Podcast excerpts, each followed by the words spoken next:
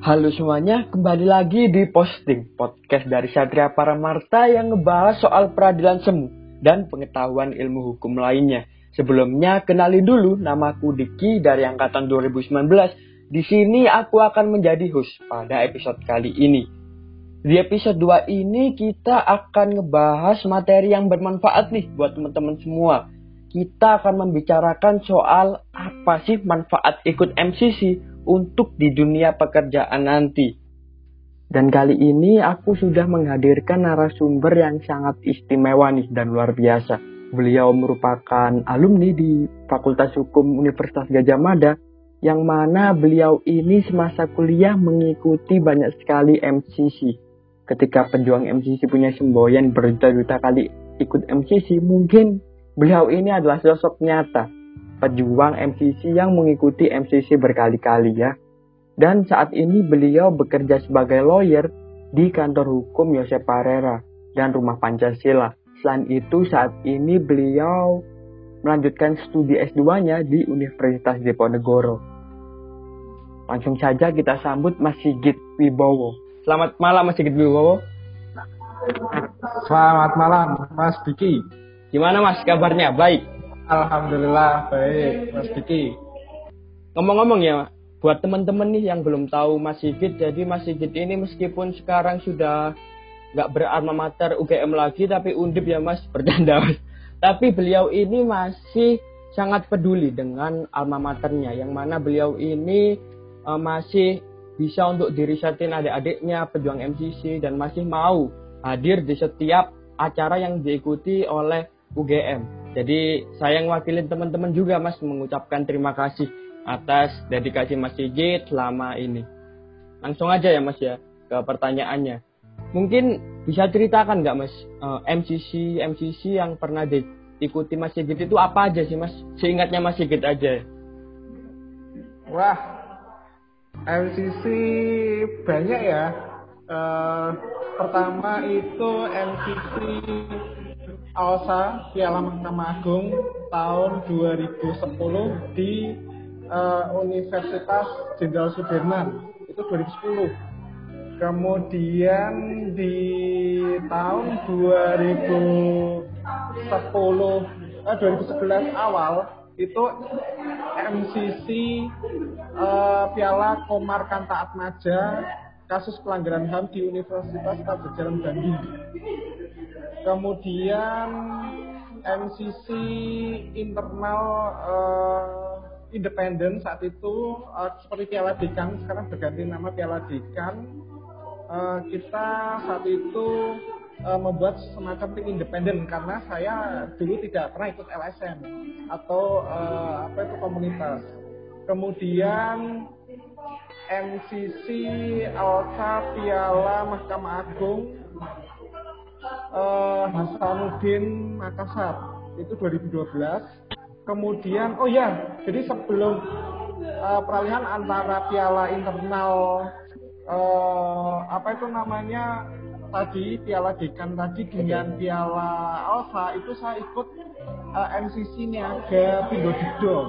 Uh, Dido pertama UGM untuk ikut satu juara satu juga di UNER kemudian tadi kemudian Piala Mahkamah Agung AOSA, terakhir MCC uh, eh, Piala Joko Sutono, tindak pidana lingkungan hidup di Universitas Indonesia. Uh, selebihnya itu coaching. Nah itu pemain saya di situ. Uh, eh, MCC, ya sekarang aku balik tanya lagi nih. Yeah. Saya diwawancarai, saya sekarang satu pertanyaan saja wawancara ke Mas Diki Silakan Mas. Diki, niatnya ikut MCC apa? Kalau aku terjebak ya Mas ya. Lebih tepatnya terjebak di jalan yang benar mungkin Mas. Jujur aku itu nggak tahu Mas apa itu MCC.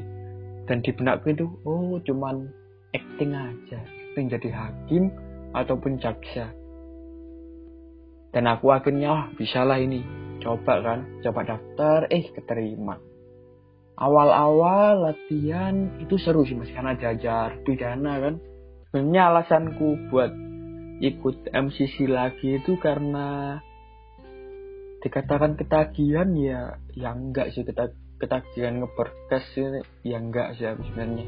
Cuman aku kangen aja kangen sama suasana berdinamika antara anggota kelompoknya.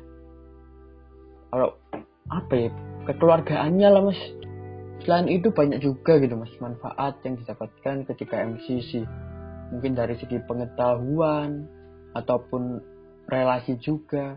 Tapi kalau aku sendiri itu cuman jadi uh, sampingan aja. Karena terkadang itu jujur aja nih mas kalau ngeberkes emang seru diskusinya. Aku ya seru aja gitu. Cuman ketika udah sampai terakhir kan diskusi terus mas. Lama-lama juga ya bosan juga mas. Apalagi waktu sidang waktu buat dialog itu ya seru-seru aja. Cuman ketika diulangi latihan bayangkan mas lima kali dalam sehari ya. Ya muak ya mas. Muak. Cuman yang jadi aku enjoy itu ketika ya itu ketika selesai sidang ataupun selesai latihan ngeberkes itu kan kita ada banyak anggota kelompok ini mas itu bisa main bareng ataupun ya membicarakan kehidupan lah mas. Jadi istilahnya selain lomba kita juga bisa mendapatkan keluarga yang baru. Sekarang gantian mas. Uh, aku tanyain mas. Mas Sigit ikut MCC banyak itu awalnya apa alasan Mas Sigit? Udah terencana mau jadi lawyer atau kayak aku mas terjebak di jalan yang benar ya tadi saya terjebak di jalan yang uh, di jalan yang keras ya saya bilang keras. Uh, tadinya saya itu awalnya kecemplung MCC saya itu dikenalkan mengenai uh, apa sih kompetisi peradilan semu saya penasaran saat itu nah di saat itu saya dibimbing oleh senior saya ya kemudian kita aplikasikan juga langsung untuk membuat semacam sidang. Nah uh, saat itu alhamdulillah saya uh, jadi peserta terbaik di situ. Tadinya nggak nggak ngira ternyata dapat peserta terbaik. Kemudian saya tertarik untuk ikut seleksi MCC Piala Mahkamah Agung tahun 2010 di Universitas Jenderal Sudirman. Nah dari situlah awal mulanya saya diperkenalkan MCC. Yang membuat saya itu uh, terikat pengen banget ikut MCC karena saya mengalami kekalahan di MCC nasional pertama kekalahannya itu uh, karena persoalan selera juri ya. Saat itu saya juga terinspirasi oleh senior saya Edi Rahmat, sekarang jadi hakim. Dia memberikan semacam kata-kata positif uh, bagaimana seharusnya menjadi pejuang MCC. Nah dari situlah saya tertarik di dunia MCC dan mendalami dunia MCC selama perkuliahan berlangsung. Itu sih.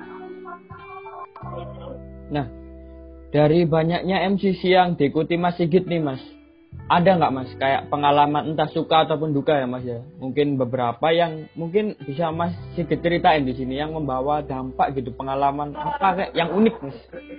Uh, yang namanya MCC saya ceritakan ada suka dan duka itu tidak bisa dipungkiri. Sukanya itu kalau kita juara itu suka banget duka itu ketika mengalami banyak kekalahan.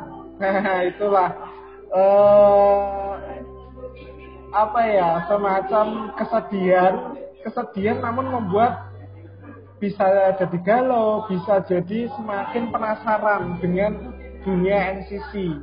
Saya itu pernah mengalami kekalahan yang pertama di MCC Alsa Piala Mahkamah Agung di Jenderal Sudirman. Saat itu saya diajak oleh senior saya eh, Mas Nasatya dari Soro itu eh, di perhitungan nilai. Nah saat itu di pool kita kita membawa kasus tindak pidana pencucian uang dengan uh, tindak pidana asalnya predikat kerennya itu tindak pidana penipuan itu dilakukan oleh uh, seorang direktur utama suatu PT. Nah, oleh juri itu sangat diapresiasi. Juri sidangnya diapresiasi, akan tetapi di juri berkas kita jatuh. Kita jatuh karena persoalan bahwa maksud pembentuk soal adalah ini ingin mengarahkan persoalan ini ke ranah korupsi karena berhubungan dengan pejabat lelang. Pejabat lelang itu kan PNS aparatur negara ini diarahkan tidak pidana suap Nah, dari situ kita selisihnya dengan Unpad yang lolos final adalah tiga poin saja. Tiga poin dari ribuan nih uh, hasil penilaian. Nah, itu kan uh, nyesek, tapi bikin saya penasaran bagaimana caranya saya harus lebih dari Unpad saat itu. Saya termotivasi untuk itu, akhirnya saya ikut MCC Piala HAM Unpad tentang tidak pidana pelanggaran HAM yang berat. Wah, itu itu uh, sangat sulit sekali bagi saya yang maba. Hukum pidana aja belum selesai tapi sudah harus dikasihkan suatu kasus untuk diselesaikan. Tidak pidana pelanggaran HAM yang berat itu merupakan tidak pidana yang khusus sekali dan sangat punya hukum acara sendiri. Uh, masih beda tipis dengan uh, International Criminal Court. Hampir sama tapi beda tipis. Nah itu kan suatu hal yang baru. Dari situlah saya uh, terinspirasi lagi juara tiga saat itu. Juara tiga, uh, saya kurang puas lagi juara tiga, kemudian kemudian ikut MCC internal Piala Dekan uh, internalnya Fakultas Hukum juara satu mengalahkan Alsa. Alsa itu juara bertahan saat itu. Saya penasaran gimana caranya ngalahin Alsa akhirnya Alfa kalah juara tiga, kita juara satu membawa kasus tindak pidana kekerasan dalam rumah tangga PKDRT penghapusan kekerasan dalam rumah tangga. Mungkin kalau ada RUU eh, kekerasan seksual disahkan kita akan pakai itu. eh ternyata kan eh, Komisi 3 DPR belum ini ya mengesahkan. Kemudian kita lanjut juara satu di MCC Pringgodigdo itu MCC Niaga itu membawa kasus kepailitan dan tidak pidana uh, kasus niaga HKI. Nah itu beda jauh dengan tindak tindak pidana sistem pembuktiannya pun beda jauh. Nah dari situ kita juara satu mengalahkan Undip. Undip kalah di penyisian, kita lolos, kita juara satu. Kemudian di MCC Piala Mahkamah Agung Unhas itu kita juara satu. Jadi sempat vakum dua kali di MCC Palembang dan MCC Jenderal Sudirman Unsut itu Prokerto vakum baru kita juara satu kembali di MCC Alsa Unhas ini kasusnya uh, penyisiannya itu pencucian uang predikat kerannya itu tidak pidana korupsi, korupsi bank BUMN. Kemudian finalnya itu kasus medical malpraktek. Nah, itu kita juara satu mengalahkan Unpad. Kemudian MCC Joko Setono kalah. Kita nggak lolos final. Nah, itu ada suka dan duka sih. Dari suka dan duka tersebut sebenarnya ada hikmah di balik itu semua. Eh, saya disiapkan untuk yang namanya hidup di dalam dunia praktek itu ada menang dan kalah.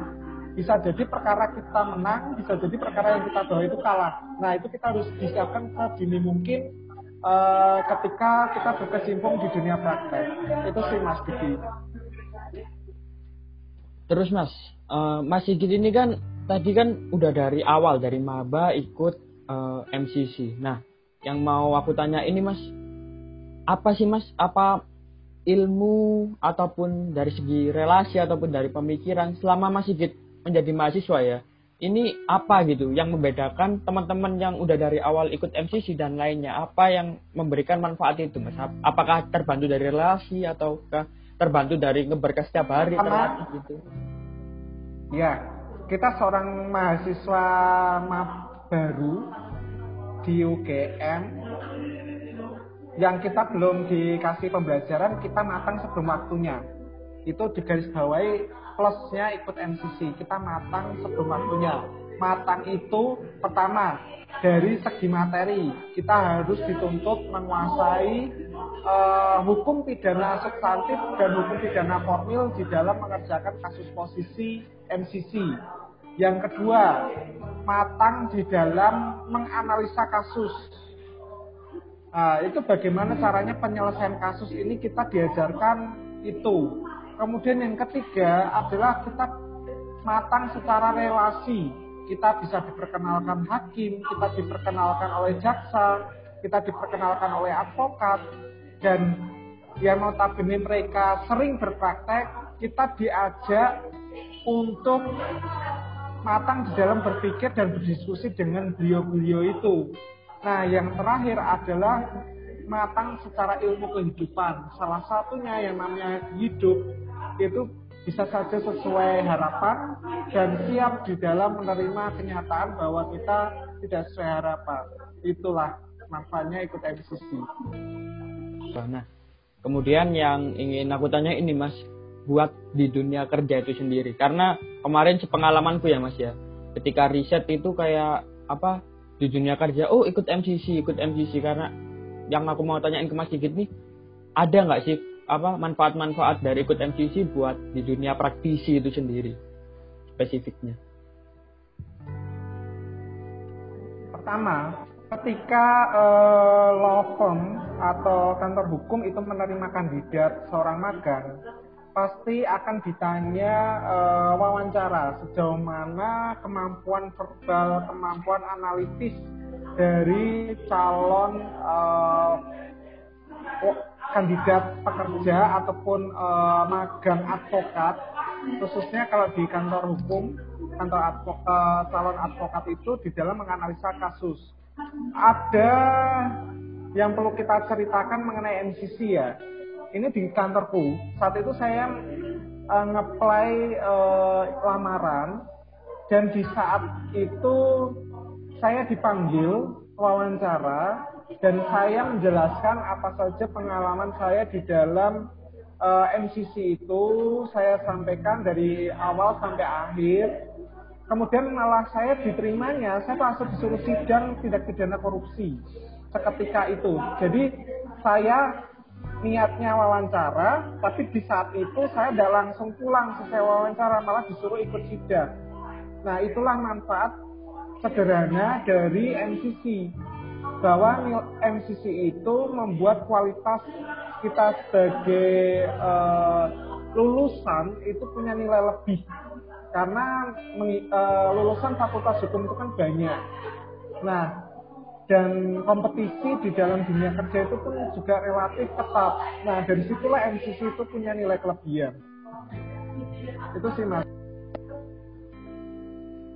Kemudian mas, uh, kan uh, di MCC kan tadi manfaatnya dunia kerja kan uh, ketika tahu law firm ini bahwa kita sejarahnya pernah ikut MCC. Kemudian kan kita tahu bahwa khususnya di pidana ya Mas ya, aku belum tahu yang lain-lainnya. Itu kan banyak berkas Mas, dari berkas uh, pengacara, berkas hakim dan lain-lainnya. Kalau menurut Mas Sigit, kita selama ikut MCC itu mendingan kita misal pengacara ini kalau udah bertujuan dari pengacara yang ngambil berkas pengacara semua atau lebih baik kita nyobain semuanya. Misalnya ngambil bekas pengacara, ngambil bekas hakim, atau tidak. Nah, saya sarankan di dalam melakukan MCC, pahami dulu dan kalau bisa ambil yang namanya berkas perkara penyidikan. Saat itu saya tertarik mendalami berkas perkara penyidikan di Mutiara Joko Sutono. Saya punya rekan eh, yang sangat ahli di dalam berkas perkara penyidikan. Awalnya itu sama-sama rekan itu ingin uh, mengubah bahwa berkas UGM itu selalu kalah di dalam berkas kompetisi. Kita mau belajar dari nol dan kita belosor untuk mengulas berkas perkara penyidikan sejak awal dulu. Kita sempurnakan. Saat itu saya punya rekan kerja yaitu namanya Mas Pandu Yuda Pratama. Beliau direktur uh, Satria Paramarta ketiga Nah, itu teman kerja saya di dalam menganalisa berkas perkara penyidikan. Untuk ilmunya, teman-teman, ambillah berkas perkara penyidikan terlebih dahulu, baru teman-teman mau ambil berkas yang lain. Karena bagaimanapun sistem peradilan pidana yang mendasar, mendasar adalah penyidikan terlebih dahulu. Itu sih, Mas. Oke, Mas. Itu tadi kan dari berkas. Kemudian selanjutnya kita kan tahu, Mas, MCC ini ada banyak. Contohnya tadi pidana, terus ada perdata, terus ada yang lain-lainnya kayak ketun dan lain-lainnya. Menurut Mas Sigit nih, kalau misalnya kita mau apa konsen ke pidana, mending kita ngambil pidana aja atau lebih baik kita kayak nyoba-nyoba yang lain-lainnya gitu Mas? Uh, kalau saya prinsipnya adalah selagi kalau saya orangnya ini sih uh, suka hal yang baru. Aku terakhir tahun 2019 itu kan ada MCC Petun. Sayangnya kita nggak ikut. Nah itu yang sangat sayangkan kalau seandainya dulu saya eh, mahasiswa baru ada MCC Petun saya akan ambil tender itu sebagai ketua delegasi nggak masalah. Karena bagaimanapun tantangan seorang pengacara dia harus serba bisa multi talented perkara apa pun harus bisa ditangani nah itu tuntutan seorang pengacara pengacara itu jual jasa Ya kalau jasanya dibatasi, ya dia tidak akan dapat rezeki banyak. Kalau serba multi talentat, dia multi jasa, dia bisa mengerjakan, itu akan menambah nilai plus dari seorang pengacara. Itu sih mas. Kalau bisa sih ambil semuanya. Minimal teman-teman tahu, teman-teman kuat di mana, kuat di pidana ya ambil pidana, tidak apa-apa. Itu selera sendiri-sendiri. Setidaknya, monggo silakan Eh, teman-teman uh, kuasai dulu MCC pidana itu kuasai kalau ingin membuka diri dengan ilmu baru silahkan terbuka dengan ikut MCC perdata atau niaga atau petun silahkan kalau saya sendiri prinsipnya saya suka membuka diri ilmu baru saya selalu ikut MCC MCC uh, lain selain pidana itu sih mas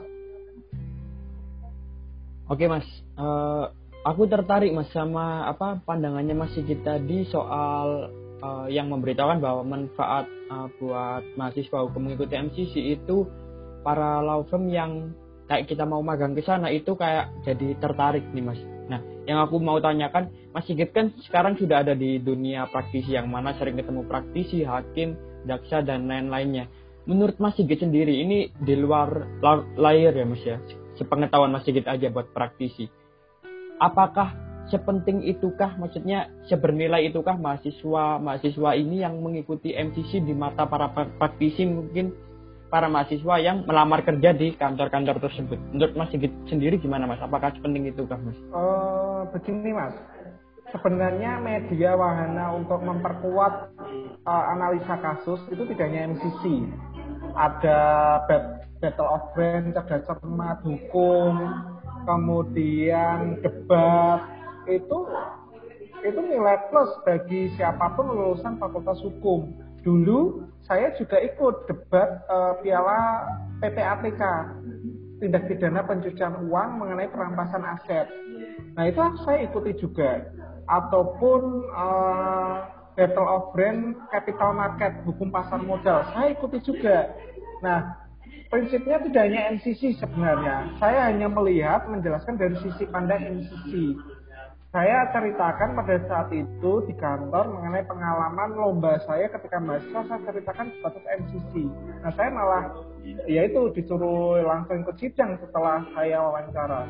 Nah itulah salah satu pengalaman yang mungkin oh jadi ini toh nilai plus MCC yang pernah saya rasakan. Bukan kata orang tetapi saya mengalami sendiri. Itu sih mas. Nah ini Mas Sigit yang sudah menjadi mahasiswa dan mengikuti banyak MCC terus sekarang di dunia praktisi. Ini buat teman-teman yang juga pejuang MCC juga Mas ataupun yang memulai. Mungkin menurut Mas Sigit ketika kita mahasiswa ada takaran yang pas nggak mas? Kita mengikuti berapa MCC? Soalnya kan MCC kan 6 bulan latihan. Menurut Mas Sigit yang pas itu berapa kali sih mas ikut MCC? tidak ada batasan ya tergantung monggo silakan kalau dirasa teman-teman pejuang NCC muda merasa cukup satu kali tidak masalah atau ada yang satu kali ternyata nanduk atau nambah ya silakan yang tahu yang tahu porsi uh, teman-teman untuk melakukan ikut MCC berapa kali ya teman-teman sendiri tidak ada batasan. Ada yang satu kali MCC dia mendalami dan dia suka akhirnya dia menjadi expert dan pintar itu ada juga. Ada yang satu kali belum cukup merasa bodoh ingin lagi MCC kedua juga ada. Relatif ya mas. Tidak ada suatu takaran standar yang harus diikuti. Itu itu saya pribadi ya. Monggo silahkan sebebasnya teman-teman teman-teman yang bisa menilai. Dan tidak ada hukumnya haram. Anak Sparta cuma ikut satu kali MC tidak ada seperti itu.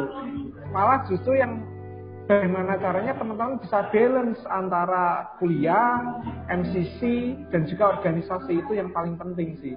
Dan yang hanya tahu berapa kali kebutuhan teman-teman adalah teman-teman sendiri. Itu. Kemudian mas uh, tadi kan mas Sigit bercerita soal selera juri ya mas ya. Dan kemarin aku juga belajar di MCC yang aku ikutin itu ya ini kan kita riset ke praktisi juga kayak kayak pendapat hakim yang satu dengan yang lain itu bisa berbeda ataupun pengacara antara pengacara satu dan lainnya bisa berbeda. Nah, ini yang aku mau tanyain ke Mas Sigit yang sudah di dunia praktisi. Apakah memang kan aku kemarin MCC ku korupsi Mas, yang mana itu abu-abu gitu Mas. Ketika Mas Sigit menjadi praktisi nih Mas, ketika membela, apakah hakim-hakim yang Mas Sigit persidangkan itu juga mempunyai selera-selera sehingga Mas Sigit dalam menyusun berkas itu ya masih disesuaikan jadi yang aku tanyain, apakah memang selera itu di dunia nyatanya ada, Mas? Tidak benar manakala hakim itu ataupun praktisi itu berdasarkan sesuai selera dalam menganalisa kasus itu tidak benar. Tapi ketika di dalam perlombaan, ya memang demikian. Tapi kalau dalam dunia nyata harus bisa dipertanggungjawabkan secara normatif menggunakan aturan-aturan perundang-undangan. Itu sih mas. Mungkin yang terakhir ya mas ya buat pejuang MCC ataupun teman-teman yang akan baru memulai MCC karena kita tahu kan mas dulu juga aku bimbang apa mau ikut MCC kayak latihan enam bulan setiap hari nggak bisa main terus kayak ya amburadul lah semuanya apakah ada syarat buat teman-teman yang mau ikut MCC sama khusus MCC uh, eh, pejuang muda Sparta Fakultas Hukum UGM jangan sampai menyerah di dalam memperjuangkan sesuatu. Itu nilai bekal hidup seorang pejuang MCC. Ketika kalah, jangan yang namanya down atau kesedihan yang berlarut-larut, selera kuliahnya jadi menurun, itu jangan sampai seperti itu. Yang kedua, menjadi seorang pejuang MCC harus punya open minded berpikiran terbuka. Menerima saran seseorang menerima kritikan seseorang itu perlu. Yang ketiga adalah rendah hati. Rendah hati ketika kita di dalam tim uh, tim itu kan pasti ada yang namanya uh, like or dislike nah itu perlunya sikap rendah hati yang keempat adalah saling menghargai sesama anggota tim Insya Allah dengan itu chemistry tim akan terbangun. Chemistry tim, uh, chemistry tim itu sangat berpengaruh juga di dalam menentukan kemenangan suatu perkara. Jangan sampai sesama anggota tim saling menjatuhkan, saling uh, mempersoalkan like or dislike atau baperan. Nah, kasarannya baperan jangan sampai seperti itu insya Allah dengan teman-teman menjadi seorang pembelajar uh, mengikuti MC dengan sepenuh hati insya Allah dan doa pasti uh, Tuhan akan melihat perjuangan teman-teman perjuangan juga. Oke Mas, terima kasih atas waktunya. Terima kasih atas waktu yang diberikan dan ini udah di penghujung acara. Mungkin sebelum kita mengakhiri boleh salam Pancasila dulu Mas, bareng-bareng Mas. Wes. Satu, dua, tiga. Salam, Salam Pancasila. Salam penegakan hukum. Oke, terima kasih Mas Sigit. Teman-teman posting, silahkan untuk mendengarkan episode selanjutnya dan terima kasih sudah mendengarkan. Sampai jumpa.